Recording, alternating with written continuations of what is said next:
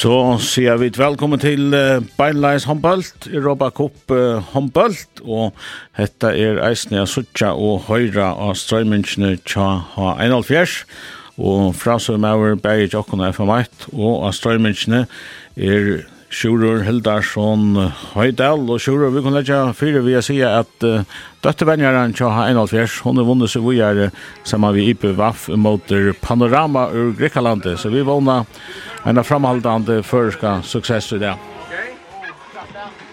Ja, gjør så. Ranvo Olsen uh, vann av ut for å gjøre søsteren Ingebjørg uh, eller for å vi en vi er i kaffens där. Sen det råkar någon om akkurat nu så vi var till höra och okej.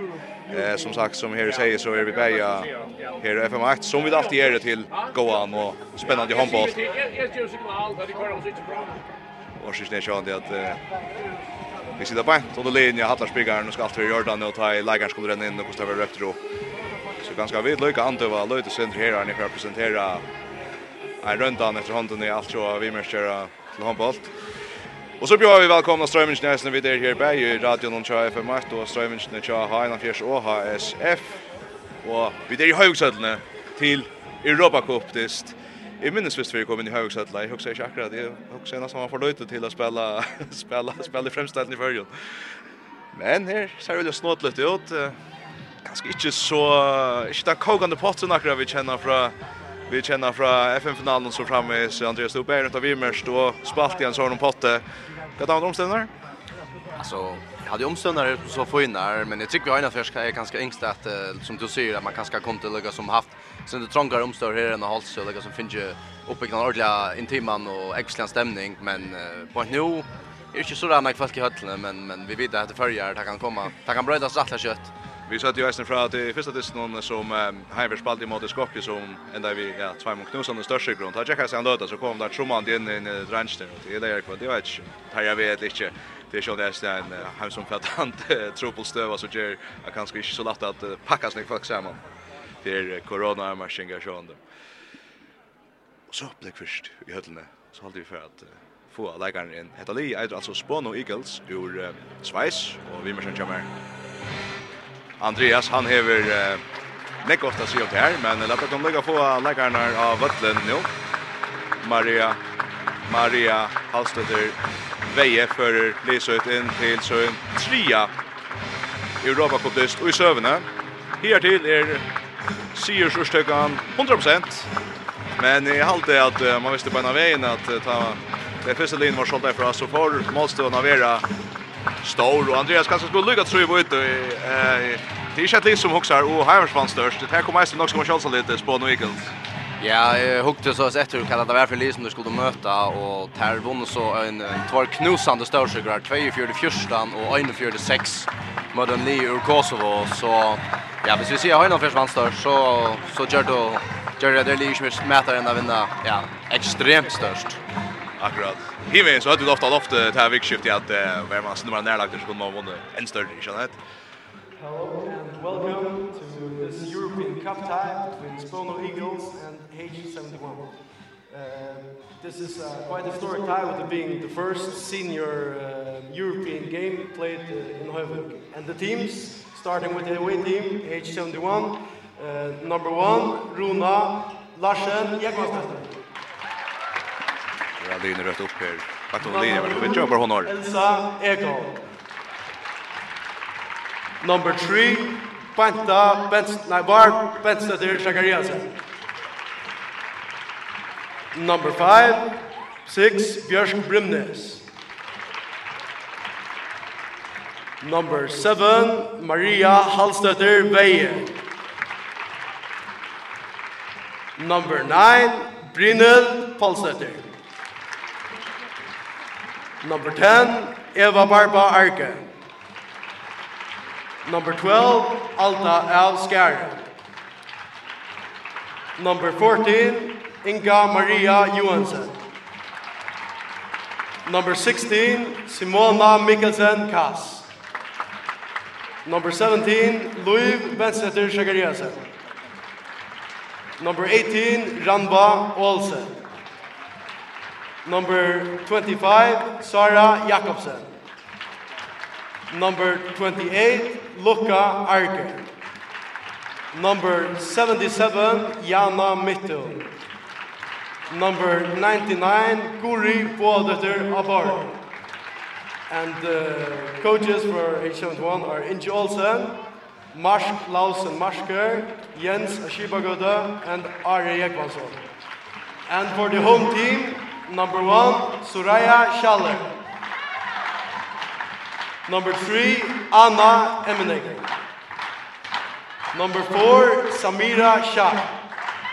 Number five, Carmen Jung. Number eight, Mia Emenegger. Number nine, Alina Stalin. Number 10, Kira Sumstein. Number 11, Marijke Muller. Number 12, Marion Osh. Number 13, Zenya Hodel. Number 18, Livia Amrain. Number 19, Sabrina Amrain. Number 20, Tilde Habo Bosen. Number 22, Marina de Gurstens. Number 26, Aline Strebel. Number 27, Catherine Sebitz. And the coaches for Spawn Eagles are Angela Dolder, Fabio Madia, René Roller, and Simone Koch-Rösli. Today's uh, referees are uh, from Iceland, it's Svavar Petersson and Sigurdur uh, Trastarsson. And uh, the EHF delegate is Colin Willis. Ja, så fikk vi presentera Line Beie og domarar og delegerer. Jeg halte Halt ikke for skriver å seg hese som domaren dømte og følger og Danmark i høtten i halse for ikke lenger tøys ja. Det er ikke det aller beste opplevelse i Ørstedalia for føringene her og jeg synes her Heinakensjerner som våre vi er bare Den blir sveiseren Andreas, der blir røftet opp til å grønne røptet rett fra en leggere selja. Ja, högerbacker Senia Hodel är ett namn som uh, förringar kanske kommer minnas från att vi färgar tappte mot Schweiz. Uh, hon är en högerbacker som uh, har klarat det rätt väl och är lagt den allra största profilen av Linnon. Annars har vi livet trutja sveitsiska landslagslögare här med landa man ska lägga mest till högra vanchen Mia Emmenegger som man ser sig rölla störst talent till hon är bara 16 år gammal och har långt skora. Hon var inte vi mot förrjon, har hon ganska varit för ung men men uh, Schweiz och Korsian spalt mot Berg Ryssland och Polen. Där hon vi vi både snär vi inte spelt och skora några mål. Så det är alla helst Ösjan Lögare man ska lägga mest till. Uh, annars är det sen stått det här är att det är av fullt sveises linas när Borsa var här en dansk strikspelare som är vi som heter Tilde Båsen men som jag tror då såg som inte spalta stora så jag vet inte om då det är han över lite lätta och så annars är det ganska att man färar färran åttan från så man ganska tro att trodde var en stor profil men om vi såg om hon hemma kan stå en löjklot att spela allt han har lyckats så är det Lee som ända nummer 3 i svenska dölden så det är avvart att såg att i Heinolfjärs kan man säga ända i ösnen omlai av trea plåse och vann det først og steg backup. Så det er avhvert å sutja hvordan hvordan kamoner nere seiskon och och först kunde jobba. Röndunar här måste vara näga Örvis alltså han är ju sjö under första och hava som så nästan bara spalt topp kunde jobba boll i förrjon och i fyra år eller så. Här så hava sen för röntor på Europa och i Schweiz Ja, stort nok er det bare linje faktisk stående i Nujan og Fjers, men, men det er lige hever har spalt det som heter EHF Cup och det som är Challenge Cup ena för och tar det bästa utslut det kom i round of 16 och annars hade runt trudja för Champions League men tar det så fan ur i första runt då. ja det blir spännande så tja så är första handbollsdyster eller första Europa Cup handbollsdyster nägrant och i Höjviksötne Brukslaur i gångt och Det er Sveisarne som börjar och också vi skulle kanske lära dig känna Sindre i fela här för det först. Det är för när det är en Sumstein som skipar spelet så nummer 9 Stelin. Kevin Amina nu nästan. Så är nummer 13 Senja Hotel alltså lägger som läser minnas från senast förra mot mot Schweiz. Jag sagt för två om distans för första mot Schweiz. Den första ganska checka sin i den nästa. Åh, men det går väl väldigt sunt Johannes för först. Vi har prokerat här. Jag var ska lite center. Det kanske skall klara till till att spela här Sinter. Oprokerar kan vi se. Vi tackar Luka Hamsli som då sänder in Runa Larsen på en Javin som vanjer Ranva Olsen sen Innsbjerg hus passar vi är ju så kapten för för IPV för och kvöld. Så Anna Maria har i iväg i bollen ner genom mitten med vänstermain henne för bulten ner. Det är bra ut mot vänstra. Och högra backen Lö Benson till Sakariasen. Jag stryk ner var Benson till Sakariasen och högra vänster Brinhild Polstetter. Janne är bra från vänster. Om man kommer jacka ut tar skyne och Malveren Bjergar. Malveren Bjergar går Bjergen fra Malvern Charles Bono Eagles United Soraya Schaller. Sjønne leipa der av her, Hotel, om man har høyre vannkva etter større talent jo som vi prater om, og jeg ser et vekkurs, vekkurs sett inn skåta av Mia, Mio Emeniger, som skåret 1-0. Heimer skår godt tempo her. Janna Mittun til høyre, og Løyv Sakresen, her, godt plass at ta er igjen for Roma 4 og brottskast, og Løyv Zachariasen, det är en sån etchen finta känner här. Hon inte någon så stora fotfint till oss, men Rickard Öjda väl och färra brottskast. Maria Veje för att äga. Maria Veje. En runt Jana. Ett nast, ett nast. Att det är mitt spår nu Eagles och ha Ein av fjers, men så er faktisk jeg sin til tvei etjen, etjen jøkbrot fra Jan, og så gamle kjenta i Mali, etjen jøkbrot fra Løyv, og så en av dem temmlegger som vi tar oss om tja Sveiskalins på Nygels via en øyla flott og vangskole, just som vant da. Ja, det kan man säga att det är glädjligt att söka att Hörnland för som inte öliga och styra som all spel långt och komma fram till två öliga goda chanser och tyvärr kan man säga Janna bränner men men det är öliga spel spel Jöknu. Oh, så fänger det på ner här så Janna fänger så dribblar han in i normalt mål tänker Heinon för Jöknu till Jöknu och så skorar han 2-1 Landfjärs. Och ja, alla bus kommer att ta vägen på den vägen till. Hetta vet jag, hetta är nöcker Aulinon har finnit det här svoja och gör till den där bult vinnande värjan till han fjärs. Ja, hon då tror alla läsa spel igen mot hon där ska nöja och Nu nu tar sig vi det syndrom den större profilen. Vi måste bara se hon går ju börja lite illa och det känns ju väldigt glädje för Jan Fjärs. Kjell Stigsmatchen runt till danska Bosen så lever Sumstena från högra backe. Vi tacklar väl till Luis Agriasen som Kjøven takler. Her forstand ut igjen er 5-8-verje. Her Louis Zachariasen ut i Oregonek. Så Så flere verje varianter fra Heinan Fjers og jo her. Og så her nok så orra orras, nok så dynamisk. Vongren for nå opp. Så klart er jo mot høyre her. Er Det er vongren etter. Det er bakken etter oss og Hotel. Røyner finna. Emin er nere i høyre vongren. Og med etna så vil jeg frekta få han om han her reisende. Men det vil frukast til. Spån och Eagles har nog ända vi att at etnas att stäcka stekka all upp någon här Så där står den Havaxen Vinsbacker som sten Fleetbearer Fleetbearer lägger jeg mine. Det är bra från vänster men alltså inte orkar vanda mycket för heimfjørsverina och i hes som för vi har spelat i halvan fjärde minut nåt, som han chatta domaren upp 2-1 til som sten. Det är bra för Hentras och så skorar han korsene. Sløyt seg leisane när attacken den 2-2 i mitten Spån og Eagles och Heina Eagles Jauna.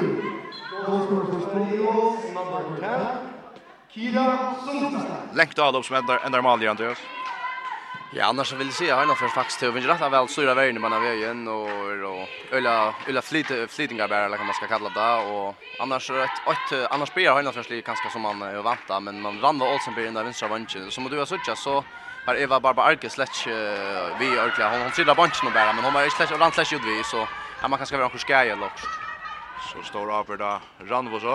Eh här ska Matland gå med lagar här men uh, Malvern Bjerke också var Jana som lev jakten i vänsterjatter. Uh, och i syn är kända stöjle men här vi öppna sig få bollen in nu. Det som förn skorar så shot upp gamla nu. Nu är Jana som är främst för mattvärden. Och det går skall den längre runkeng. Lepa där för högt kommer ner som ständer natter som skorar väl och kommer igen femte bollen läser. Han skär men här är frukast hinna för tackling. Han förstår annars en shifting i varje stöv här kommer Elsa kommen för Mario Veje. Sumstein, Sumstein hos Jón skal uttas, det og ikke så stundin tvisken akkurat. Takk for at fyrir mal hesar, just noen tas an. Nå, Bluta sin til Vildar ikke ta mån, og sin til Krost til i og så et gult kort her til var Zakariasen. Ta i håndfåra fyrir en leikar som renner inn mot Hanna Fjers vergene. Her Kora där after Spawn och Eagles från högra backen. Tjum gott press från min. Upp hänga. Skjut Skjudroma fyra, skjudroma fyra. Här kommer gå blocker fyra jäste. Hittar där kör lopp någon finna det så präda fram i Erbilje. Löv och Jana för att fram. Jana mitt fyra. Maria Fernandes och backen. Tjum Jana öde går för. Fram vid första läggaren någon. Inte fram vid nästa läggaren frukast till Heinrich Jus. 2-2 mot Spawn och Eagles.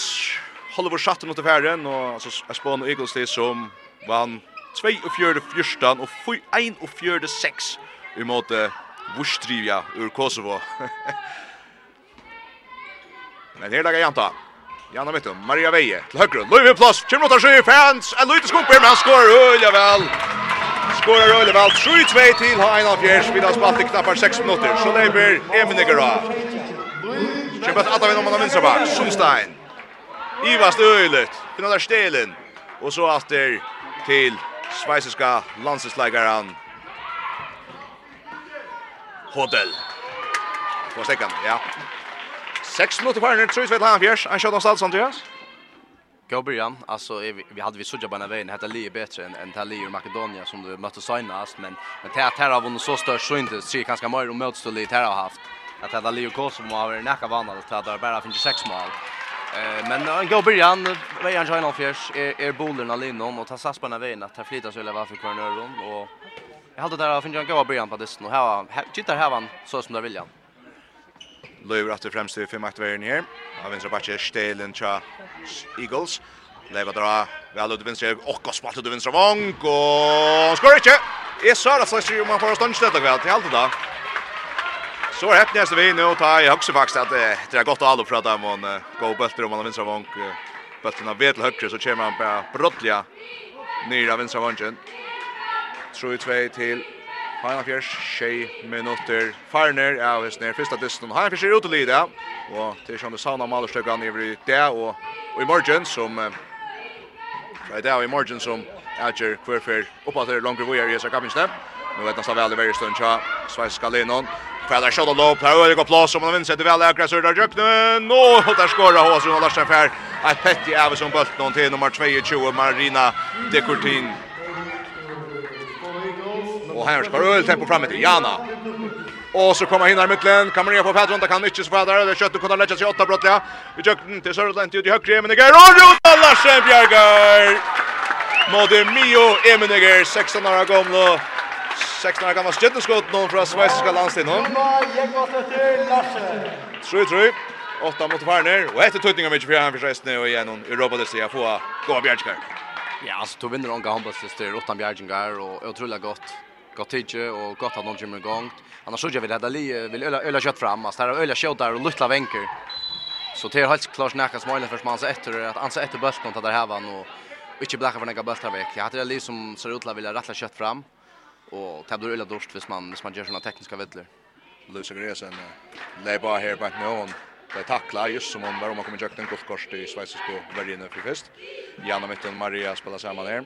Så då kommer in mitt fyra så kan det Jan Allt gånger sin ut vinsten och fyra fredag mot högre. Jan är lösen en plats och kommer dömt. Frykast. Brottskast. Okej ja. ja. Das hon da taktas mer som hon brast ganska oj så vakten av värjena men tar oss där innanför känner. Jag tar inte hur ser det hem döm för. Jag vill ha sin himla men Han tar tacka vi ut för vi. Maria Veje Skorar första brottskastet nu rör natt natter på Jalanche och under Maverjan och så på drivledgern och så ner och jätter. Fyra tror jag.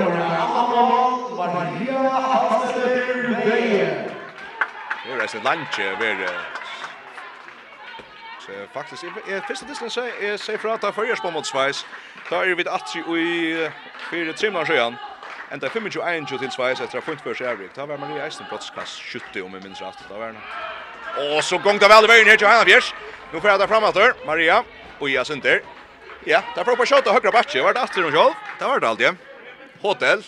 Og Hon är inte till. Ja, jag vet så kanske jag säger Anker vill kanske argumentera för en frukast det är och alltid färran att gå tackling armen akkurat som hon ska men att han vi vid Ösenberg vi hade en Öland en Bjerging kör runt Larsen och hade super men men möjliga frukost här vill jag lägga säga. Klutch Lustan läs mest. Jag är inte klar på att det skulle vara hålla på med men här spelar väl här känner Åh, tack onka gänga öl jag harst Luisa resa ner om man vinner till en tryck öl kost jag ser nu då.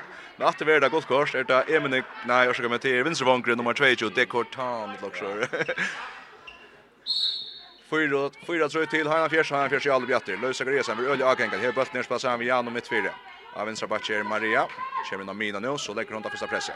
Den blir upp här så kommer går går igång till från Vanchon så man vänstra vank rann också spux där ståndstapp. Ja stopp. Och så Karl att ta längt till och efter väl kasta fram till Emniger och så kör han näs för rulla sikt. Ja, ta mer än jag att vi måste ta det frast. Fyra fyra. Med en spån och Eagles vann fjärs flott aggression upp från Eagles. Så Maria åter. Loiv.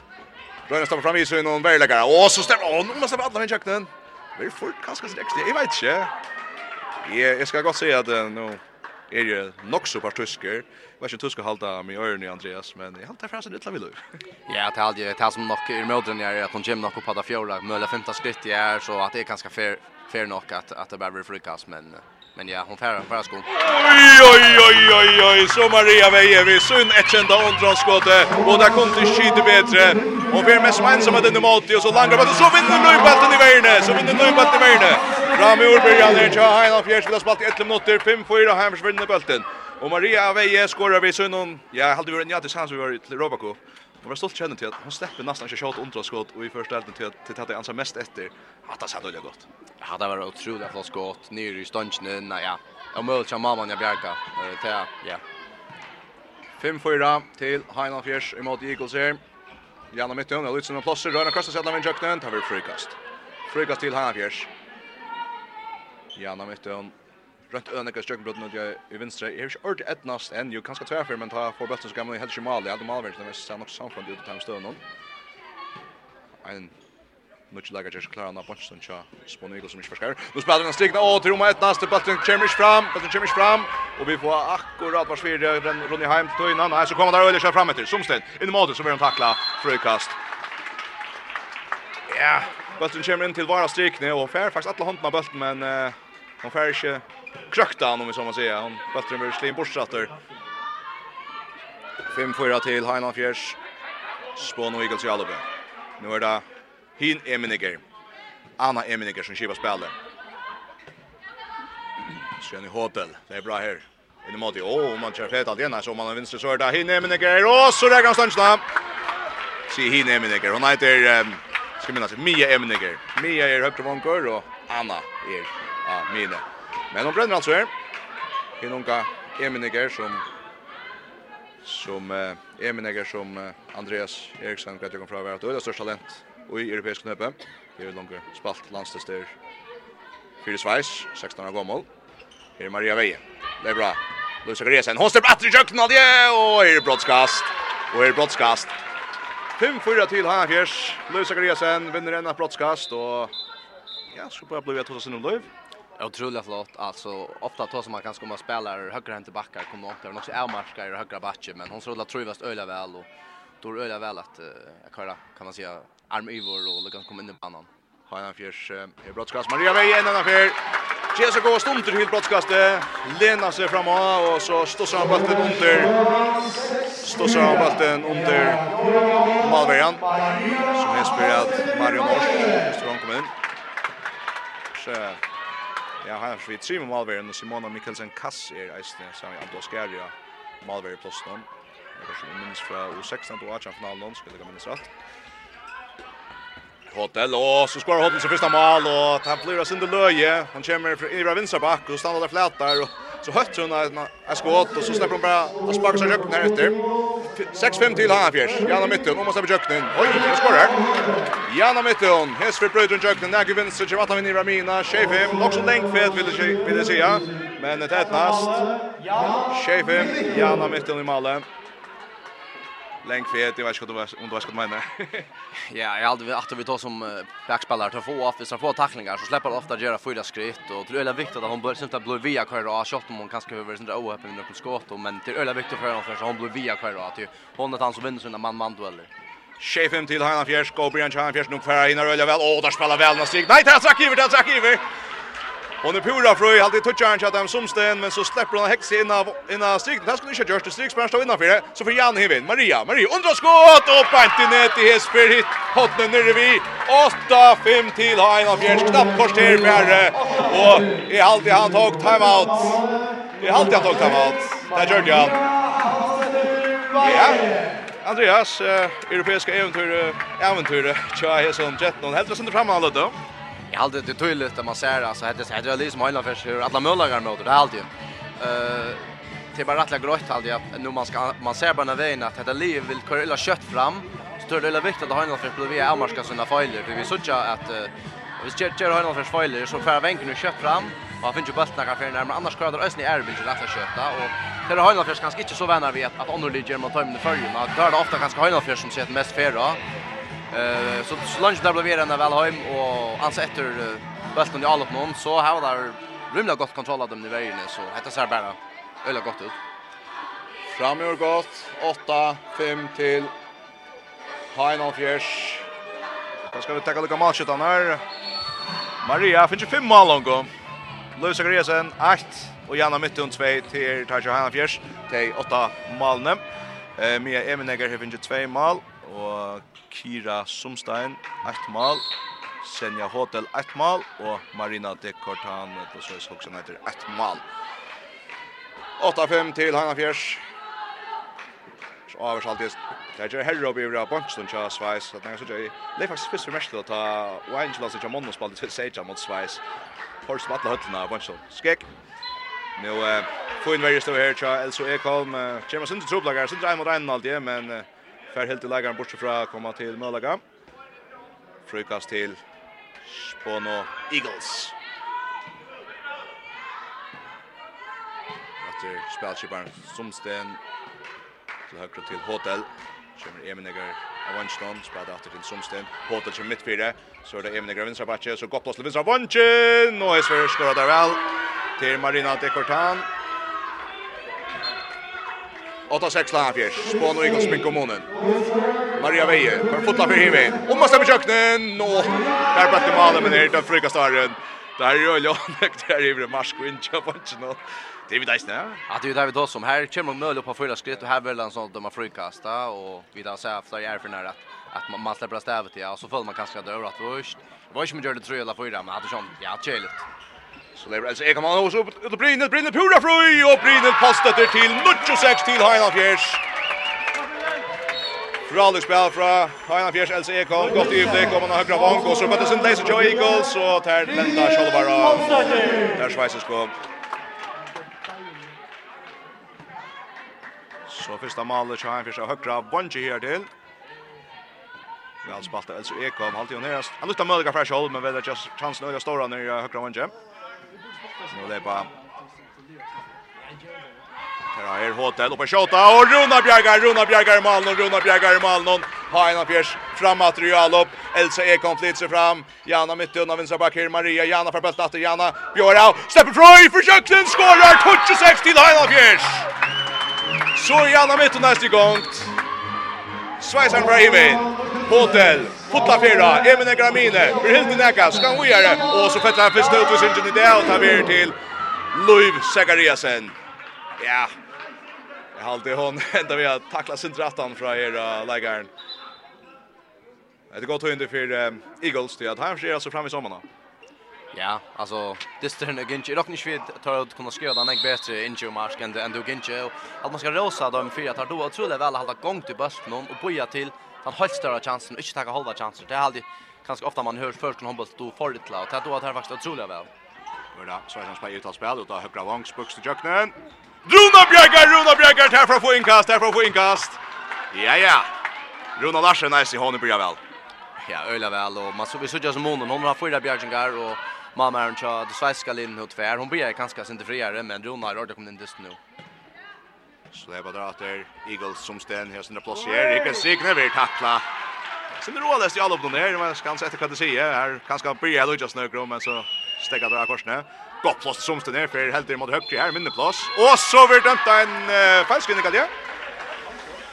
Och undan så han Heinrich Schoncheck upp på stas. Ja, alltså man kan Jag måste eftersom. Ja, man kan ju alltid diskutera är det Alof som förvånar sig här eller är det Verjan som som ständer väl. Jag hade man kan se en blandning av Bavon. Har ju någon försvarare ständer väl väl här men men att det ser ju roll alltså vi har det ser ju ut som där visst eller kan det vara Atlas här och ända vi gör en en screening mitt för det här som så ska ju och ja. Så är utlevererar sånt där har vi inte kan det skulle göra alltid och det är bara gott för 04. Så Jakobsen kommer att strikna här. Maria spelar sin sam igen i Aldena. Backar åt vänster. Jan helt på ner. Och Jesen Maria Lebra en mot en annan vi tackla och till för gång till med tog Han kanske onka Malver in i akra nu som hånden långt upp till domaren ska och skänter Maria undrar skottet och Grindator så skulle han Malver sätta in i att nå där så kan nå där snäpp 11 och 6 till han Björn Maria Veje vi en undrar skottet Det ser ganska skjort att läsa med inne men det tar Malver en av bollen Jag känner där sig mitten på 11 och 6 till han Björn Hajan Fischer Andreas Fullman är om 14 sekunder, så kvadrar det kött här, Schweizaren om man högra vank, en annan ferie, men Neger, och Hesper skorar hon.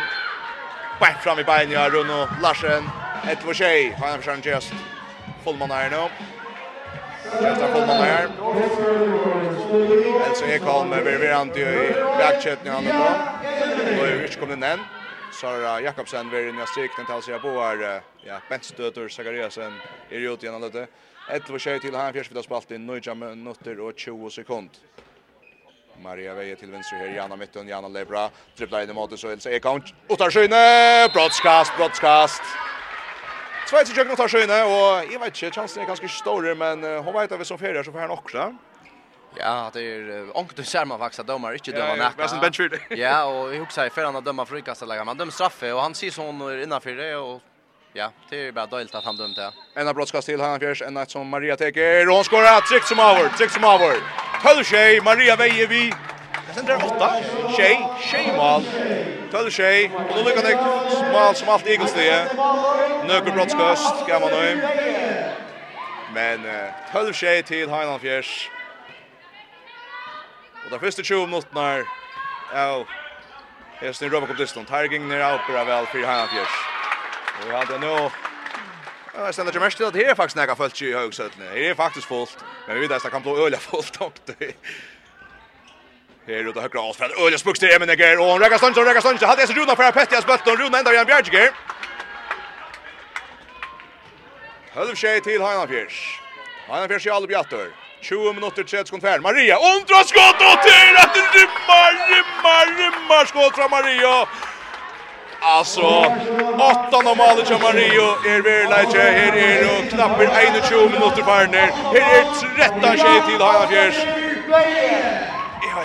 Jag är längst sedan jag ser Mario. Ja, och här som hon, alltså hon, hon kanske... Gjörs, jag syns mer om så vi assist för det senaste, senaste tøyna. Ja, nu ska shit jag prova ärligt säga att jag jag såg ju såna det så jag men det går så öliga öliga flott samma man. Nu får att bulten, nu får att bulten. Nu är det mycket högre vanken kom in. Hopp upp. Runa Bjerker har ästat i vitrak. Så för Jan Hebant. Ut högre. Elsa Ekholm. Försök att ta sig in efter Hendrell men så blir bulten i mål. Det är första tjej till Heinolf Fjärs. Första tjej till Heinolf Fjärs. Elsa Ekholm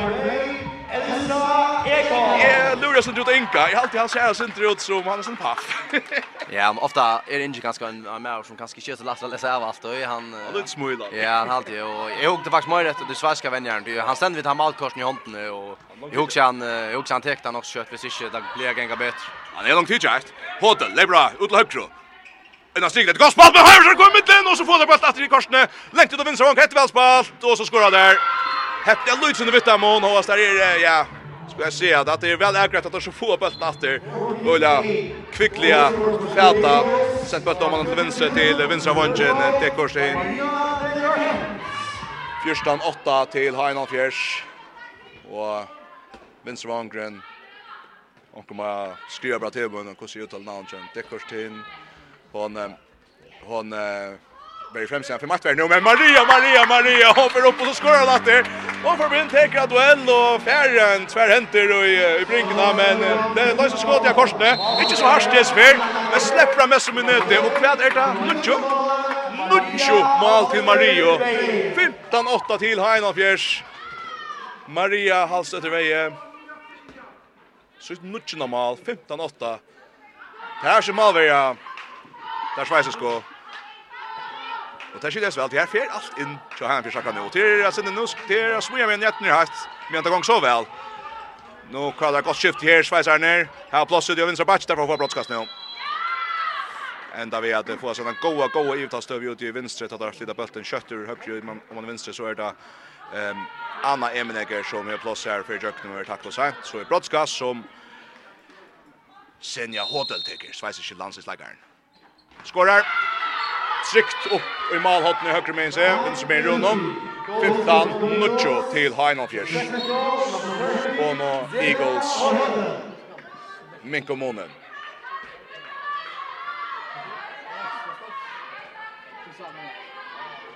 Her er det 6 minutter 20 sekunder etter av fyrra halvleitje, og så teker inn Joseph timeout.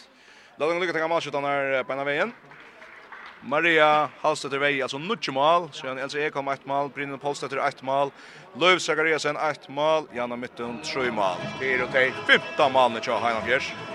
Så blir det Spåno Eagles, Mia Emenegger 3 mal, eh, Kira Somstein ett mal, Senja Hotel skojar sig ut annan mal just för dem. Så är Maria Dekortin, Dekortins vid Trimon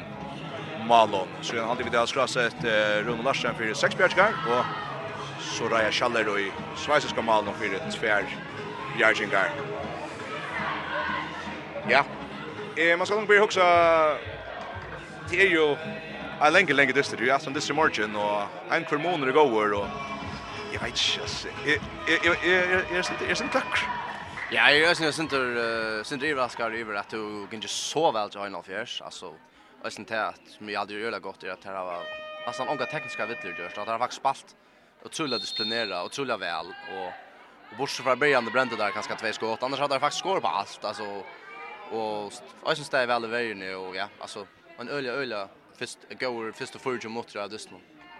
6 minutter etter fyrir halvleik 15 minutter til Heinan Fjers, Heinan Fjers er i Alup, Janna Mytte og ned mitt fyrir her, legger fjera, innan trippla, slipper fram i sin fyrsta vann, og så skorer han næste, så skorer han næste, og i all det, der ble vi, så godt han fer inn, og slipper ikke der uten skått, og per bøtt inn, er det ikke der, og her skal han fire, her skal han men her blir frukast til Eagles, Lusa Gresen tveit seg bøtten, men så detter hun i maltaien, og så fer, verer, Ivet sagt mot Johan Fjers, altså frukast til Eagles, så Men 16 minutter til Heinan Fjers. Det er kors omkring nuttje leikar inn. Skulle lukka lære det kjenne. Shepits er her nummer 22. Det er bra midt fire. Så Hotel høyre bætje et godt spalt i. Og man har vinstravång. Kommer der kjøkkenen.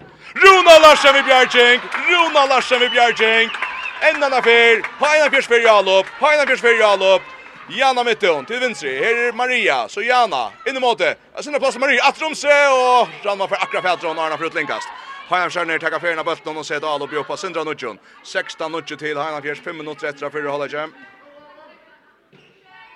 Och Hajan Fjärs Hajarskjærner skulle fram. 16-Nudjon Hajan Fjärs 5 minutter etter av fyrre halvdje. Maria, att Elso, Bøtter Slina i ser, tar släppa sted, tar släppa sted. Eagles färre shot og lopp til toppskjøtt kjøtt dem til kvarten, og vi bjør mot Maria, Maria for sekken. Ja, frikast. Fra alle kvarje spiller Maria, eller?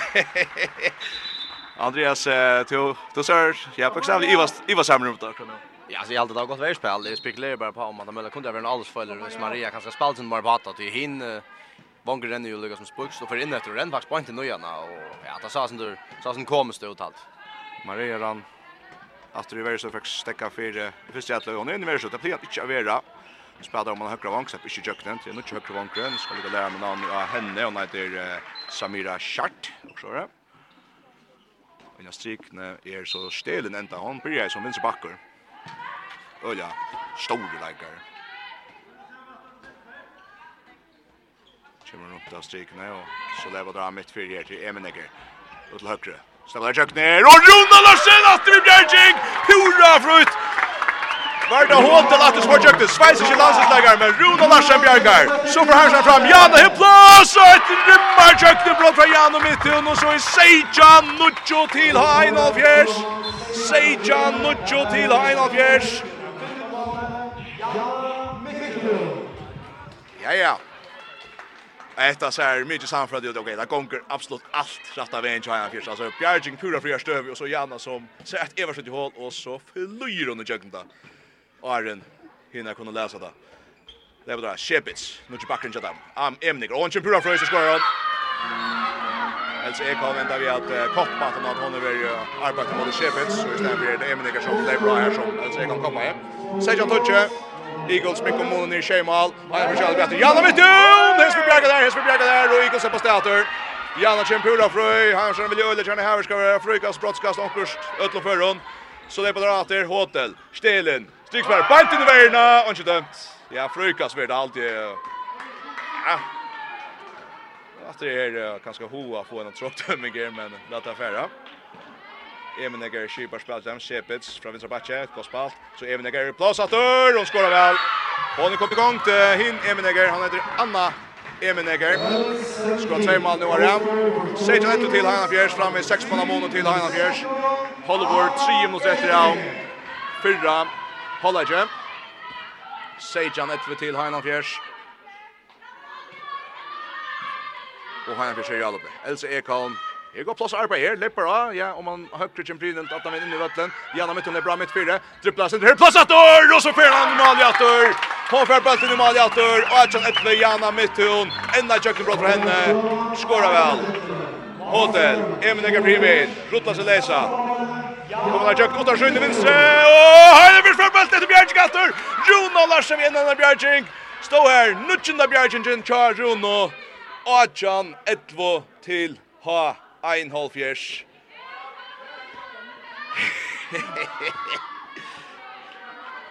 Jeg bor spørst i også, Andreas, jeg vet ikke hva.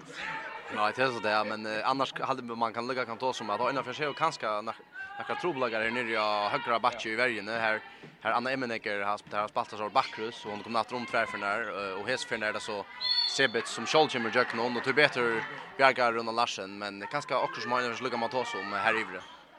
Achan ett till Highland Fjärs, Heinland Fjärs Albiater Maria på Jösendrels Ekom som man har högra Wang som att han vill attra mina till Mario.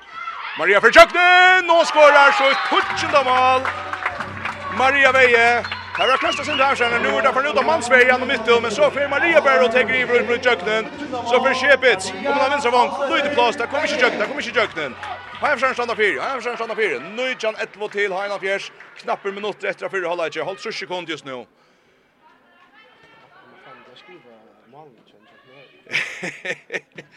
Du ska få mål från Värtöver.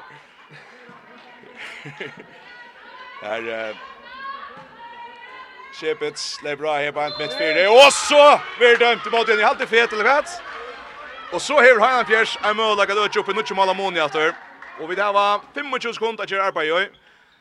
Schweizerner, Spono, Eagles, Vångren i högre. Utgör Tegiano i år. I halvtid i Hansen säger att han måste gärna. Så det är Maria som ska huxa det chatta första truste. Maria in fram inne. Att av en chuckna till om tackla frukast. Skulle skunda sig här och Maren kastar här typ Peter på ett utlock och så vi har fem sekunder. Maria tar undan skottet. Jag drar ner och där blir målet! 21 til Heinolfjers og i håndleisnån 21 til Heinolfjers Maria Veie viser noen 11 av malet Altså jeg var ikke i hva skulle henta Men hun kjørte allikevel Havern måtte være klarere Ja, för det första vem som du säger var det penta mamman när kasta bara snodda då var så fast kom det och ja, det är ganska så det mest värst att att det lätta hända släppa släppa Astavias nära alltså att de blir vi att släppa skjuta i omdragskoden som är otroliga och inte mycket lämmen men men från taktisk kunskaper att skiljer inte att att det inte gör mer vitta och det kan vara hon tecknas som har sig att det bara man täcka igen mitt runt att hon hon är som sagt skor 11 mål av 20 och det är fantastiskt alltså och och man men bara att trodde Bjärgen går här? Den ena hade kanske skulle bli straffad igen mitt och så ja en en halvlager som inte kunde väl skriva och skälla mig bättre. Nej, han måste säga, är hur att Lucas om pitchet där synd mer upp i mån till målstöna till att Alltså det är det som en av de tre Schweiz. Det har svenska landet där Schweiz som är ja, allt där fram spelar vi nog så mer räckliga och i ända spelen eller så. Är alltså Nöglunda topp 16 i Europa och ganska av matchen här kan vi ju säga. Och ja ja, det är Det det är ölt Afrika alltså. Det är ölt saffran mot så ungt. Försley, inte några rönter men är är otroligt. Är det så parti? Nej, jag hade bara först och främst öliga glädjeligt att att ha Arnold först vill attacka sig Erbjörnsen upp i pröver och Boyser först skulle handboll kan sagt hans kappas då som kappen någon alltså att jag som du säger heter det ett Schweizers lis som som ligger så lös med annars än alltid ut topp 3 i Schweiz och Dalton ja och och lägga som ett landa som du säger vi Schweiz som som har satsat vi här var rymliga goa alltså goa dansk vänner till till landsvänner som Martin Albertsen som är rätt seriös och i landa kanske akra finns en en danska hjälpare som Allan Heine som landar över nere i Viborg och bästa dölten i Danmark och så jag känt namn ja alltså det tar satsa öl lite svajsa och så visar vi det vi så innan för sig att ja men att Jimmy spelar lika till förjar och och färra dörslida och det var faktiskt spaltar ur höllen Han första först nu och men men som två sen som nämnde ju Anders så är det viktigt att Heinolf inte kvillar på det här att det heter bara en hålligare av fyra Eh och här kan ju allt hända än alltså detta detta Leo alltså jag hade vi då som var sådär heter Lee då var spela handboll alltså i till kanske där makedonska Lee som är Hej den densla för twinningar det var kört hade varit som hänt här. Då syns nu så i bara första disten att han disten är vi vi mest ja men men vi såg ju väl att han får spela köra så då då det väl att spela handboll och få vänken från next skott och spela bollen väl runt och köra några go cross och så framväs ja men Men att det står och trodde att de liksom i värgen ja att han har skora 20 mål av av 22 skott om när vi nästan odlar se att det är ju pura då. och Sean gör gott av att han har förslagare när man skorar så mycket väl men men här har man hända också i värgen så tar man och mamma mamma när det finns fett och i nökron. Så jag ganska neck go mål men det är så syster alltså mamma man var klar på under skott chamber att chamber nog startar nästan. Ja, alltså mamma är rätt men men men alltså väldigt amma var man hittar ett skottar någon till dem så det är ju det som det först lik kanske alla helst sen gör vi Marie Vej till det vidare om det är fantastiskt som skott så gör de något till att täcka skottar. Alltså helt då kan man kanske säga helt då uh, förskjuta nästan förnäck ut till där så innan. Eh och ja. Akkurat. Jag har glömt att nu ska luskra. Jag vet inte, jag kommer av strömmingsna, men kanske vi tar bara stetchen nu, så har vi luskra, så tar man samman om attarna, och så kan vi. Så bjør velkomna välkomna till i Høyvikshøttene skrutt till Europa Cup. Och... det har vært Ett europeisk kväll. European Nights kallar vi omkring omkring ställen i NFR. Det blir gott kväll för i Heinefjørs. 2011 vi håller inte noe. Vi har haft en god löt i Sottna da, men jag vet inte om vi tar klara det. Men jag tror vi går i stedet at det er gånger som heter Onni för i. Ja, det har varit framför noe mål i den europeiske diste til alt annet lukket otroligt flott. och ja, 2011, det, det vittner ju om att alle uppe i otroligt väl faktiskt nästan kan inte köra bättre och 11 mål jøkken är inte helt stora helter, så Bæg ju alla på veier kan man säga att han Høyna fjärde har haft månen, och tycker vi inte det är nek kritisk att ta oss om i Høyna Fjers, til Høyna Fjers. Det er kanskje sindra Högra Batchen har løte at det er noen men det er også vi det att ta oss om. Akkurat, han skjer byrja nu at det er Rona Larsen som har haft en av i av Bjergjengon er framvis i malen, så Rona Olsen av vinstra vange, gjennom midten av vinstra batje, Maria Veie, 11 mann skjuten alltid å være. Amine, Høgra batje, Løy Sakariasen, Nestikne var Sakariasen, og høgra vange her er det så en Utskifting, her er Guri av Borg kom inn.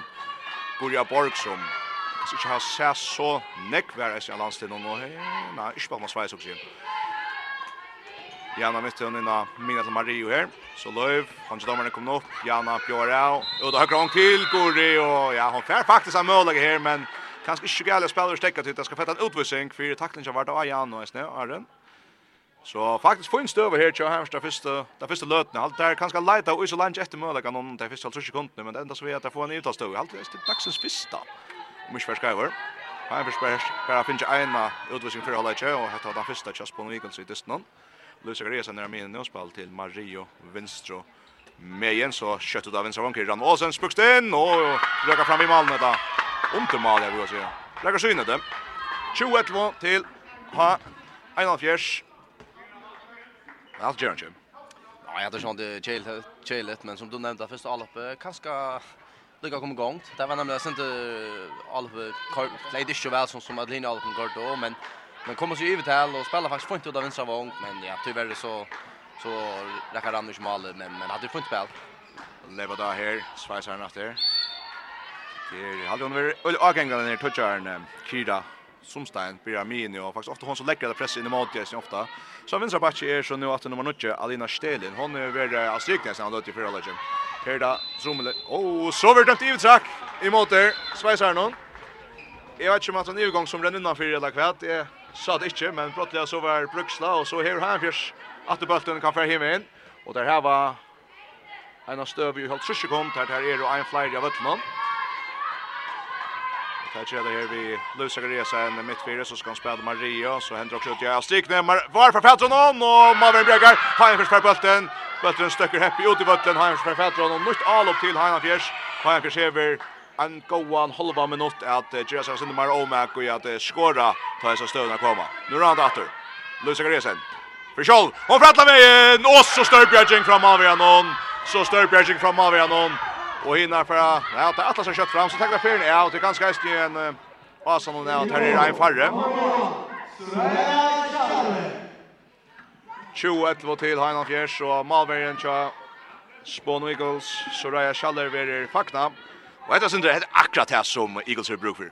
Ja, och man kan säga att mamma blir nämligen öle väl ösnen vid två en bjärgen under första hållet och vånande kan man säga var att hon är ju så här och nu blackar det så bulten väck. och ja, nu Därför så inte inte till mamma näkert här om över nere nu och inte fick han bjärgen och så skulle det göra så ytla vid bulten till få han. Ja, och jag hade ju ändå försökt haft gå möjligen upp hela som hade ökt om lösten. Ja, det är viktigt att det är lyckas som få igång dialog nu till att. Det är väl så så det där skjuter han kan så. Har han försökt Jalupe. Jana mitt och Maria skiftar sig in i mitten. Kommer alltså spart in av mine på en. Så Maria, Jana, lägger vinstre. Under skott om Mavren Bjergatte, Mavren Bjergatte, kvar för ner till här Eagles. Schaller att vi Bjergink och hinner fram fram. En chock och Henker så för Sebres i jökna högre spelar helt till högra vång och ett väl skora. Och nu är det att nutje högre vång också händer Carmen Jung. Och han skorar. 20-12. Ja, Malvern kjøttet Malmö for en ikke Inte latt å få bøltet fram igjen, Jesper. Nei, det tok en uh, trutjar og hålla minutt også til å ha flere Bjerkingar i Örnholdet i den. Uh, så, ja. Öla gott för det svenska livet kan man säga. Att det är mannen i gang. Men uh, vånande få en av förslagarna. Det inte, ja, det inte bättre tål och köta först för tulja. Här är Kärnle bara här. Maria. Store läggaren i fyra lägger sen Rund Larsen. Så da då Greia som pratar med kjøkner, og så er Jeg har sett er Eran Bjergjeng når han får fra vi Raka Stonchna, Raka Stonchna. Ja, sen der åpne kanskje i åpne i avslutt næsten. Jeg vet ikke, Løy skorer nekva av snær i fyrre halvleg, Jeff. Brøyde Jøkken, en som av åtta sjøen i høyre, skjøter tvørst om alle, men hest fra Stonchna. 20-12 til Hannafers, og hva skjer der, hva skjer lagaren? Skjer lagar i Alupe, Spåno Eagles. Og da tenker jeg så tjekk hos jeg har skjønner regerer på teten. Nå må det for innan traverja, det her var vi ærlig avgengan i verre stå. Go på här först i alla bultarna. Sindre på spel men här här är den frikast från undan. Men så är det Svajsli som reagerar och på stövna. Där måste jag nu kallar Sheila Garjalobe. Som sten ut till högre. Och vi satsar bult bulten och tar på utan stöv stöv samma och så skorar där. 5 minutter farna satt hålla ju hem Sheriff skor en svenska lige Spån och Eagles har skorat tvärfärnar men Hajda Gers är framme så åtta vi tjej Malon. Nu kör hem från skott in och tar välja väl. Nej Janna fänga bollen där och så i bättre vänster vanje vi får ett fätter ja vi får fätter men vi får frukast. Ganska typ efter här Sinter hektest febrilt detta så här vi går se. Björk Brimnes kom vinna vänstra vång för akkurat Bjarka Stövne vi har kommit att läsa bulten. Här känner han nu spalt i halvan satta minuter och Sätten håller inte utan mål. Skor hade 20 i förra hållet så det är ja under par har vi vad säga. Så gärna mitt och nu till högre. Längt om man i vänster högre här är Gori Gori upp för det rimmar upp från Goria Borg. 1-2-13 Goria Borg skorar första här som hade hållet. 1-2-13 till Navjers. Så fredar kött i vinn. Schweiziska Lie finner strikna chassar. Stelin, och hon skorar tryckt. Gånger kött nu. 21-14 till Heina Fjärs. Janna mitten. innan min. Här Maria. Underskott! Malvern Bjergar, Malvern Bjergar. Så frädda kött i vinn. Jono, det är bra. Jon Tajdron. Dribblas läsa han och så skorar där. Oh, ho, ho. 21-15, 6 mål av Mone. Sveise skal hever minka vi, og Mone vid Simo Malon, der finnes det 6 minutter i 17 holdet ikke. Inge Olsen teget timeout, og til skal han eisne til at dette var kanskje Hej då åtta snäga så var det just detta. Ja, det var det vi tog om och i första allöje vi drev vi att att man man tar ut sin chansen och lägger som kommer hem på plats och så jag kan finna här att uh, vi sa ju någon inte kommer inte tar ut chansen just här. De hit lik kvar fotla för fram och här har några vänker som uh, att spela faktiskt en ekko passen av vänker. Vänker får eller nästa skott. Och nu har vi nog Jan Högra som har skorat bägge skotten just här och Ja, men det var akkurat över sin bench för jag Malmö så så tar för komma igång. Eh och ta man bara se att de är nu är de noterar för sex bjärjingar där som har fyra bjärjingar i i Örnhållage och är det viktigt. Man kan se att tackla Och jag tror snälla Lucas jag har nog först alla gal. Jag har trott att passa fram till chanser. Alltså det har finns ju goda chanser kvar för när. Trubbel det bara att det är stigel. Och hinner finns sin lättare att skora just nu. Ja, det är allt för lätt. Och nu tar jag ju som tog nämnde ju annars att där reagerar reagerar vi schema 6 och det är alltid en när man lyckas ska justera och klänk man ska fram och det är lyser ut som att jag vill gärna gärna spela vinkeln och det blir inte nämmer till han var början packa. Så ja, det är avhållare så jag går stör så tacklar de nu vänner nu tja China Fish i vägen med landa till att nu där man kanske först för dysten då kommer Barboy nästan det här vi åt att säga. Ja. Det så. Vi har han noen utsetting for først. Maria Veie Amina til venstre til Jan og midten. Bjørs Brynnes av venstre vantjes. For en EU-gang. Maria. Som er Jan og Jana. Sin det ensamme at nere til høyre. Løv Segresen her. Sin det krøster dem aldri. Så skal Maria rønne fra venstre. Monke mangler. Så Jana. Och det krøster. Hun finner plass i korset alltid. Nei, helt frikast. Alltid hon sa at Eva skulle ut i hål i verden her. Og var om etna stendig stepp i kjøkkenen. Men her är last fire korsene. Så Jana midten. Maria Veja Mine. Ska han skjuta tre. Det gör hon under skott någon och nu har Malvern lyst näck bättre på. Hon har helt ner i hotten och bjärka skott någon så för fram Eagles. Hotel inna Mina och god tackling i Hammarsbergen få stäcka vantan för fist. Men vanten han är verkligen har vi ju att säga. Till att nu är Malver som säger neck neck mer samförande det utåt hemon. Jag vet inte hur näck man kan prata med sån hålla inte men det har varit för en Lars Näck bättre skotten i allt alltid. Nu är det högra backe. En av mina. Kör öle kötcha dem ner. Svajsarna Eagles men och så steppar han väl om den vänstra vång. Går runda vid Bjärging. Runa Bjärging så för gärna spelande det tömma Malmö och han sitter och så är 2-15 till final fjärs Jana Mytton Lösa sig inte upp er. Och ett av er, ja då kanske kommer till att efter så spelar det väl om man har vunnit och kommer frukt men så Runa Larsen hällde fram Ja, det är ju fantastiskt hon kommer igång nu. Och hade ju det spela lige mot sex fast han har en goa bjärting och bulten för händerna att hon spelar. Så höll då tömt mala skott då. Det är det. Och det ser att Jana för tripplan fram här så häver hon. Hon har inte kunnat trippla den vägen då. Jag vet inte, det klarar hon ofta men här är Nikolaj fram för sig och så Det så vidare så mycket näck närmare malen normal vem är där. Där Germanica. Så kanske näka som en också obelöst.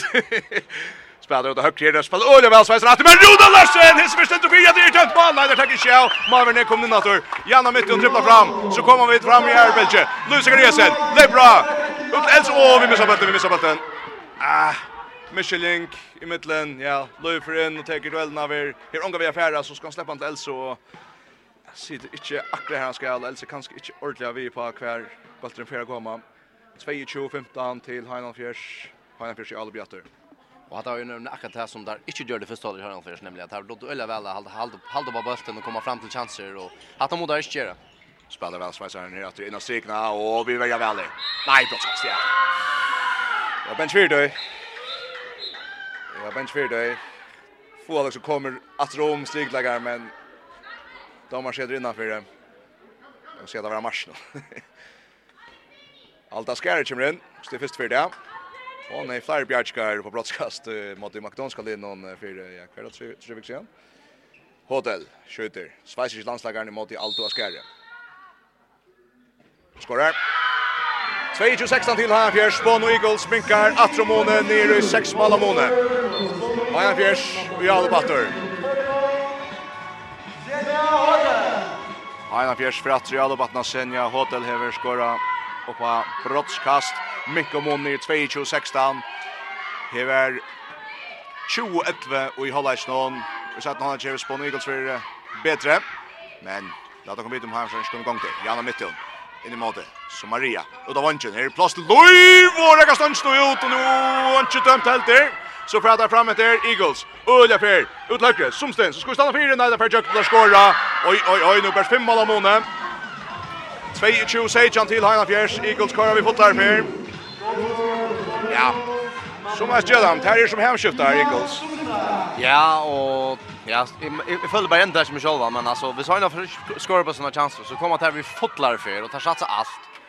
Och jag hade kanske att att att Louis skulle det finnas straff här, men men men ta fick hon inte så man kommer hem och den stannar fyra. Alltså jag kom jag kom innan och till högra back så där Janne mitt och hon placerar vänster och skorar väl och skorar väl. Snuit sig jucken tvär likar och så touchar hon sig och så lägger hon bollen in på distansen. Hinner släppa i kött och mina tror ju tjus säger han. Janne mitt och vi är någon kars kom med Malle. Det är tjej mål Janne. Åtta allt. Ja. Åtta mål till Janne Mittun. 2 säger Jan till Ha 1,5 6 mål Amoni efter. Och så kommer det med till Luis Gris att fetcha bulten och så får det här korset så hade plats i min. Där var Jökn högra vanje. Och skora. Och skora. 3-2 Ajan. Är det Luis för ut här tvätcha bulten för nästan läsa men så ländat här av och så manglar han här för sig i vägen så kommer spela om han har vantje. 3-2 Ajan till Heinan Fjers. Spån och Eagles minkar Moni i fem mål.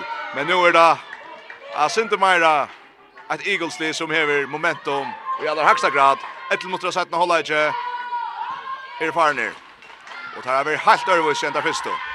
I fyra hålla Här är Maria över tackla ska ha sagt det gör mest. Jordan kan nekka vevra færa. Maria och Jana pratar samman. Elsa i høptrå. Kjem Janen mittfire. Maria røyner vinstre, ein mot ein, omtra skått i målet! Hes vi skjuter opp i, Maver ned for ned i, og fer skjelten på i, men han fer noen lengt på i, og er fyrir tjoatjat, så fra da hivet, oi, og Rune Larsen om av Bjarka, skjøt om nal opp i hinne med men her frammes, Mal til Spån og Eagles, 24 Nujjan til Heianfjers, 5 mal av måne, Janna Mytten er bra, fra vinstra bætje, og nå så preskum etter nete, nu køyra der av Boa Veier, Janna Mytten, skjøyde faktisk samme sted som Maria just fra en hunta, ikke helt opp i hotne, men nå lengt, i måte med avgjørende som, som er ferdig sin til nye målet. 25 nu i Fram med 6 mål av måne til Heina Fjers. Heina Fjers bare vet du. Annars er Kotla Fyr i halvtid. Her er han dyster i Børn Mannstad en gang. Det var 12-12 i Holleitsson. Her hever KUF nu lagt seg 8-16-13. Nægen i Sætna Holleitsson. Her er Europa Cup dyster av Skronni i høyvoksettene 25 nu i til Heina Fjers. Heina Fjers var framfor 20-11 i Holleitsson. Vi måtte Spåno Eagles Och här lever då att Eagles. Hötta så kommer han till också ut i högre. Pura fröjt och då skorar. Det är Schweiziske landslagslägaren att det är Senja Hotel som kommer i jökten i högra. Pura fröjt skorar. 25-20. 25-20. Och Schweiz läser kommer näka fria chanser nu. Och en dyster som uh, kör vid det rugande färgen. Nu snurrar sig Morska. Maria Veje Sindra Plosse, Jana, Ivas av Sinter, så om han vann ikke, Guri i plass, Guri for Jøknen, og Guri skårer, Guri av Borg, 26-20, hun er kommet vel under sin her, setten holder ikke. Så er Sumsten, det er bra atter, Hotel, Eimond Reinon, Atramina, innan strikna, vi står borster, ter foan, og skjøtter fra vi, ter skjøtter fra vi, ter skjøtter fra vi. Og, ja, ja, en tryggvir, vonkur i første håndball sitter om linja mer, tids øl i hotikken. Det var ikke akkurat det han skulle skjøte. Han var øde trygg vinst vankring til Taimon og heftig vi jokkene. Ja, så faktisk bare også her at uh, Jörn Holland ju verkar som alle marginaler nu för att sen drivta svenska liv så mot landa en en hörna för Sverige blackas ut botten blackra från stort och så framme i så men jag tror bättre på kickar hon. Nu har fått plats till Björn Brunnes och Mavern Gobjargen Gobjargen Mavern hittar ett skott av Lobnon. för framåt nu skulle minka till Monen Eagles. sex mål av till Hanfjärs. Hotel in mot så kommer det i midtlen. Lusinger Riesen för bulten, här tömmal, och dribblar alla vägen så kastar hon i målet! Ja, själv var det min att han malvägen kommer Toskan in i mål Nå så er det då Orvetchen i halte. Jeg skulle nesten si at det, ikke kastet, men hun kärta og hun skårer. 22-22 til Hagers. Lusinger Riesen vinner på etter själv Og så fällar fram. Åh, det är ett otäckande det. Och det är akkurat det som är så jävla viktigt tar man spelar i en värj och sex mot tjej att, att, att man vinner sådana bultar. Du får straffa ett liv kvar för visst du bara gör det om här. Hotel och på shot! Ja, ja. Ett är Sveriges landslagare. Hon skorar i flera mål mot i förrjön. Ta förrjör. Jag vet, du skulle ner där. 26-19 eller 26-18 där idag. Ett av era gott skott. Upp och hänga. Näga mitt fyra högra batche och så langar så längt upp i andra målet som vi hör till Per. Samfrande skott från högra batchen Eagles. 22-21 till Heinald Fjärs. Janna mitt det er bra ut til høyre. Elsa Ekholm så vi er til höger går. Ska inte vara jukt ner i Jörn helt Av Avin Sabache Maria Maria och skott. Ett nekk bedre skott Astor! Eit, dumt skott vi omtrodde fra Maria. Rundt om över det så stretch åt Astrid Male helt upp i ståndstojen. 28-21. Hon er, ja, Hon hever finnes jo rett arm når sånn sånt å si. Ja, det var ett laxens mål. Ingenium till. Alltså hatta klarar inte bara med Bjarka. Så jag Hatt är ett trekt omtramskott upp i stotta i örn, alltså nästan får upp i tryggkanten in och att det är att det fantastiskt att sådär att att att han Maria Maria ganska bränt några skott och på på att det skotten som har skett första håller så så justerar de och ja, nu får ju såna Alltså ju är Ja, så hon skumpar sen från så in i alla så, så kanske sen 18-4, men Som du sa, så är hon inte samt i Guds kjøy. Men det är tema kjoltan. Jag ska inte ikke være. 8-21 jo til Heinan Fjers, og jeg vil ja, för jag vet ju øyrene, ni har røpt ganska oj så hardt, og til ofta så høyst da, og for akkurat det kommer rein. Det har varit ödet mål. mal, jag sen Jacob sindre ikke av volum i alt. 8-21 jo til Heinan Fjers. Sveiska li i uttale, Sæt opp her, frem og høyre, så gjør det fel. feil! Eh, spelskrivning att. Ja, ja, det var klart, klart feilskrivning, och ja, godt for 1-4. Annars var det nästa utvisning till Louis, så det var sånn över så søtja kvätt. kvett, kvett, kvett jeg att han kommer in där, men i hooks här så lyder etter listen, og allt han har lykker rock min kommer in og dekker mye verden, det här är så viktigt i mig verden i hånden systern så... Så hvis det kommer att trøtje, så... Nej, så... Jag tror jeg heter noe mening, så jeg hinner først just. Nå, Maria skjuter, åh, allt för en kjønne! Hon skjuter mitt av mål, vi har bøttelig stöcker mitt på bein jo inn. Nu 21-20, nummer mål. Fyrsta, mål nummer fyrsta. Mål nummer fyrsta. Mål nummer fyrsta, på 46 minutter. Og gjes der, i Europa Cup testen hon. Vi måste spå nå Eagles. Nu 21, 20. Nu 21-21. Til Heina Fjers. Spå nå Eagles att jag at Jalope. Ivetale. Kommer kjøkken, åh, ta skjåta, omvis armarna. Rune Larsen in. Sen nummer 8 ett mål från Senja Hotel. Nu är det 22 till Lannafjärs. Nu är det 22. Einar Fjersen skiftar sin fitte ut her, og så fædrar ut og manns oppdekka Mario Veie. Det er rundt og gjennom midten under fyrre holdet, jeg vet ikke om det er kjekt han så vel, da får Maria bare inn og, ja, stort i Ötlund som styrar skonte. Jana Röjner här. Att Elsa Ekholm, hon är plåset i högre för Jöklund. Hon skorar över samförande! Ett rymma, rymma Jöklund brott. Fast ut i högre spuks, men harskt tvärs om Malio i Male. Åtta mål och mål i 30, 22 och så tackling från Varsagariesen. Och så kvallar kött i. Oj oj oj, här gånger. Vi tror rukade för händer allt möjligt. Andreas. Ja, eh oha oha. Ja, med landa så gäller Janna vet man nog bekla. Eh men han spelar ganska smuls när center så vet ju vad han det allt för galle men det som med landa så är väl att han nog först kallt vax så den där vax behöver fyra vägen men tur bättre blir det straffa här. Janna mitt en är så störst spelande i det. Ut Utgör för Witcher. Men som vi så här är flera som kommer tracka till. 32 til Heinan Fjers, her er 12 mot 30. Der kommer da vinstra Vong, Eagles, det har ikke jøkken, så han er fra Vinsra Batje, innan Mina. Rand er trust ut mot høyre. Bergen stender vel for Setleve, Maria for takla. Så man høyre Vong, fæller jøkken, og fram i, og ikke dømt, og Heinan for bulten. Høyre Vongren, Tjadamon, er nesten inn i verden for bulten, så tveit oss i jøkken, og jeg sitter i hukse her for å komme fruga, så jeg gjør det ikke. Og tær fatter til fire mån tja Heina Fjers. Og så er åtta mål mån at tja Heina Fjers her. Jeg halte, jeg var sin bench for ikke sånn. Det kan være øyelig for, men uh, og svært når han slapp noe vel ut, ut i kjøkken støvna. Ja, man tar seg ganske ofte om man stekker bløyingsene. Uh, og ta følger øynene for seg gjørste. Der finner jeg bedre større dysten natter. Maria Renator! Og jeg svømmer helt nei, bøtter for en av besvekta! Og skyder på etter fensja Mavren. Hun misser det av Finten normalt, Mario. 31-22. Og Maria at i vergestøv, Maria at i vergestøv, 1-3-2-22 til Heina Fjers. Ja, om til gång tar bara sin till ett vilt. Ja, jag vill säga att hon skorar 15 mål här, 13 av dem ganska ju blev en uh, smäcka in. Fredag senast har vi ganska syndre häppen, men det här täcker man ju vi och det här gör det så att det svenska lyser på målman nu. 31-22 Sveis ska li är i all uppe här. Det kommer Øyla Frøyer, där skår Øyla väl. Eh, få spatsa pura läser kjøkkenen mitt fyra. Det är nummer 3, Emenegger, Anna Emenegger. Allt det är mål, ett av tre målvärjen tja Eagles för suttjo ut där. hon äter strepel om ikke verskriver. Halde vi hatt tvär, Alltså här är nummer 1 som börjar sätta honom håndlagsera väl. Så är nu, så är nummer 12 inne, Orst och så, så er han her trea. Här Sean igen runt att lite om hon kan putta om mer. Maria rör natt kan fram och skjuter. Alltså Ekholm tacklar mitt fyr. Om att ett nästa så försökte den. Alltså ser hon tackla så högt. De hade hålls ju så framåt. De har nu se nej. Ja, vad kommer natter. Halde. Kör sig till Rajar. Luisa Gresen och Maria spelar samman här. Elsa Inne mot mitt i, framme, frikast, Eagles var bulten, hittet kjøla lopp noen, halvt i hamskjøren nå, at det første hjertet, så kommer settene bilden kjøtta mån, lever her Maria tacklar nej över Verligar på inte Krovius så ett tråk dømt imot Eagles och ja. Det er ikke, Maria. Vi det är något att få ju en att han det hon spelar nästan inte väldigt vanligt långt så hon hon blir en sån all up surfringer. Nu ettnas alltid är i väldigt stöv. Det är helt otroligt hon läser ju stövna otroligt väl. Hon ser ju faktiskt att, att alltså Lojkan som en fotlar för och klarar sig att stäcka. Så det är så fyra och Ofta skal ikke mer til i verden, ikke?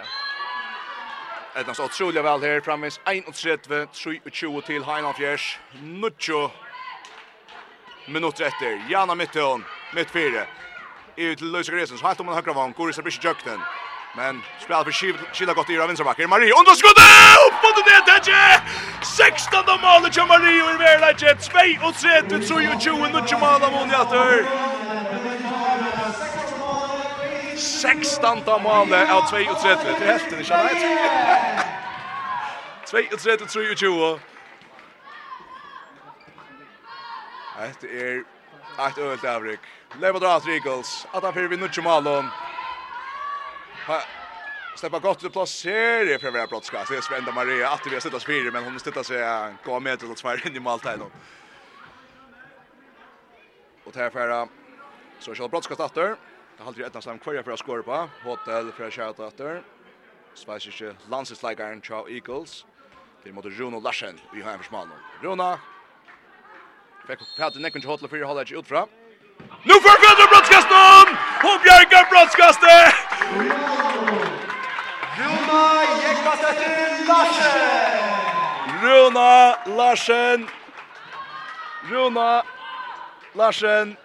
Vi brottskastbjerging.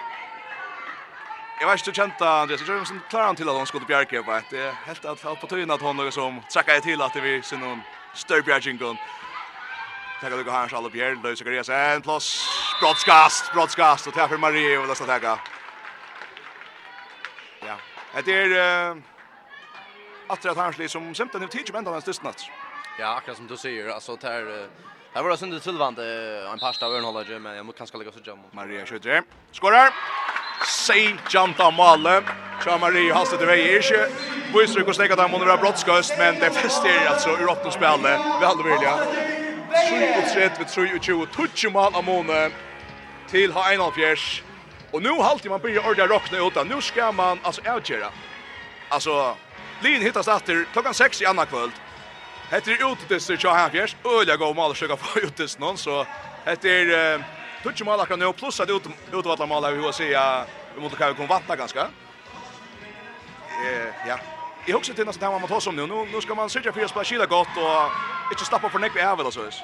Ja, man tar så eller ofta alltid om i förskon kanske bara handboll till fotboll så man ska vara kunskor och alltså utnyttja stövna och som du säger, det här, det här momentet nu har en avgörs. Så man sitter sig inte och också här. Det kanske inte var båda vägar, men, men hvis det spelar förnuft och tar chans att man öppnar alltså distan så kommer där som, som du säger, alltså avgöra allra helst alltså samla örstökna till att han har skorat tror ju tror mål ut över nu och ja alltså så vinner vi en första femta mål om ut det här jag menar man kan ju omynda sig att det här att ha några för såna kniv i flatchen och just men så det allt kan hända men allt annat lyckas så ja skulle där blå vi eh tar tjejen hoppa mot rätt som rätt av just nu 3 och 3 vid 3 och 20 till ha en halv fjärs halvor 8 minuter halvor 8 minuter efter Spån och Eagles ut till timeout. Och där ska Röna Böton skriva så det här möjligt att vänta tills i morgon. Och om, om ett nästan här ska vinna. Jag vinna bulten i varje stöv men till den frukast fram och undan till Eagles. Shameless rätt nu. Eagles i Alupe. Lever drar mitt fyra. Innan strikta bulten läser! Höjersfjärran, höjersfjärran! Och sitter den kjöllan upp någon och släpper sig kött i Alupe. Här var tömt mal. Men där tog och inte makastet där runt och uppe av ötlån när vi har att säga. Framman fyra maltagen. Men hette er eh, atter otroliga gott signal. Och skräckta på att när hitler tills de out så ett nästa ja kanske mer hinner missättas till för någon alltså bättre kommer inte rätt innan strikna. Så där gärna mitt till vi tacklar harst löser resan med somla stackar rätt i harst Angelo Sink frugas bäst. Så Jakobsen in i andra strikna så där gärna åt högra gärna mitt Maria Hallstedt i vägen. Det är bra. Så tackar Maria åter Jan av mitten från vänstra backe. Och då vänstra vanker Ranvoj Jökner Ranvolsen. Panta Marian, Panta Marian. Kör rakt en hötte kan. Ja, under vänkan alltid.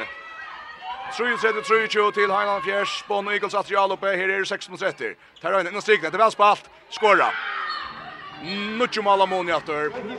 Det er til Heinan Fjers. Heinan Fjers er altså 8. 3-3-4-20. 3-3-4-20.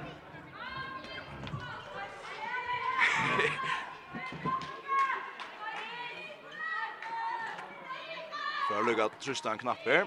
Jo, her er alt som har skåret godt. Har jeg forstått i alle oppe. Framme fire vid Nutsche Malon. Janne Mytton, plass om han vinner som Granvald Vrein Ratter. Og Granvald Olse skårer til Nutsche Malamone. 4-3, 4-20. Eagles att jag bult läser. Har jag försökt få. Här tömt mål. Malmö nära natter. Här fullt och Hansson framme. Där är Loiv. Og skårer Nøyrekker! Malmøyas Rønland Vampe! Og skårer! Rønland Åse skårer! Så rett mål av Mone! 5 mot 30, 24 til Heinolf Gjers! Her var en fyra her skjønner. Pura en som at holde på det, så först rødde Löf, Malberg med Størpjartjenk, Randva tog för att läsa bulten och skåra i 5 mot 3 för 4-20 till Heinald Fjärs. Eagles at Jalope, 11 mål av månen till Heinald Fjärs. Färgen 5 mot 3. Her lever dra.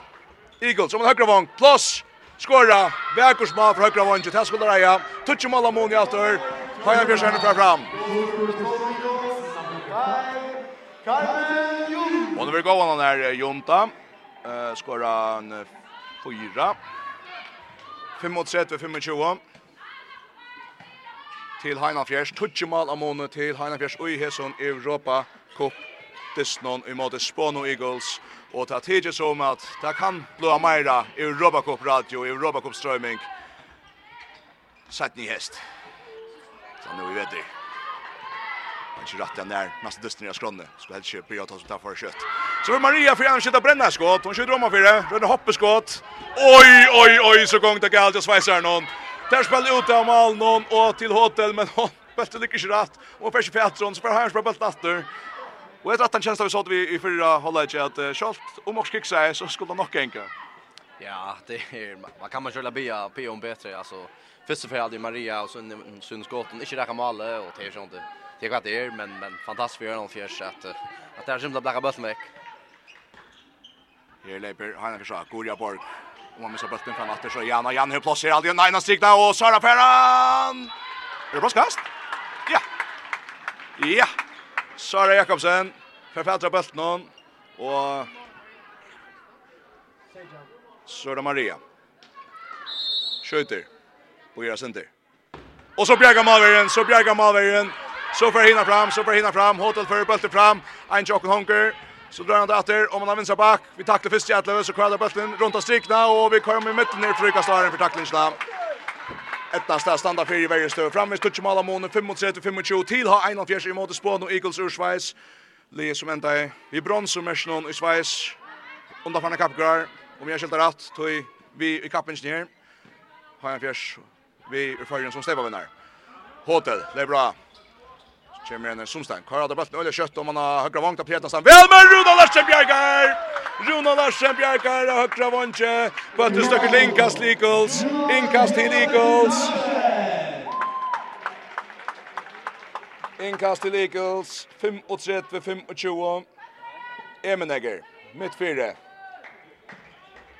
sig om att varva av månen, så lengt uppe som man kan för Havjers. Randat til høyre av vantje. Og til Ivetrak, til Ivetrak! Høyres for bøttet til. Hyrte, mål til å senere kasta. Fer heldur spakan igjen i alloppe. 2 minuter efter. Tutsi mala måned til 4 måneds 4 halvfjers. Maria Veje. Og man stemmer kjøkken. Åh, Røyne så at finna Ran Målsen vinstra vondje hos tverrleikar i taklingen til Maria. Altså tverrleikar takla av Maria. Jana mitt hon, mitt fyrir nå. Oliver Annar måste efter så efter Eversen förra i Robocop Duston. Lin hittar startar i morgon så månen häver allt att säga. Han vill jag ge han som står han som möjligt. Janne Mitton Frøykast her, Halt i hørte nekk. Råp om brottskast, vinser med med Frankon Havisha, kanskje man kvier for henne. Maria til Jano mitt fire. Maria Veje. Jana mitt fire ut til høyre. Løy, løy, løy, plass over tjøkken høyre. Maveren Bjergar, Maveren Bjergar, så kunne hinne fra fram av Menka Månen. Här var Plosser komma där fram efter och Pura friar och skorrar och så mycket mål av månen. Final Piers 8 vid mycket mål i målet på nu Eagles just en minut till resten och fyra distan i mitten linje bäge linjen hittar satt i margin klockan 6. Och ta Verer. en öle dyster.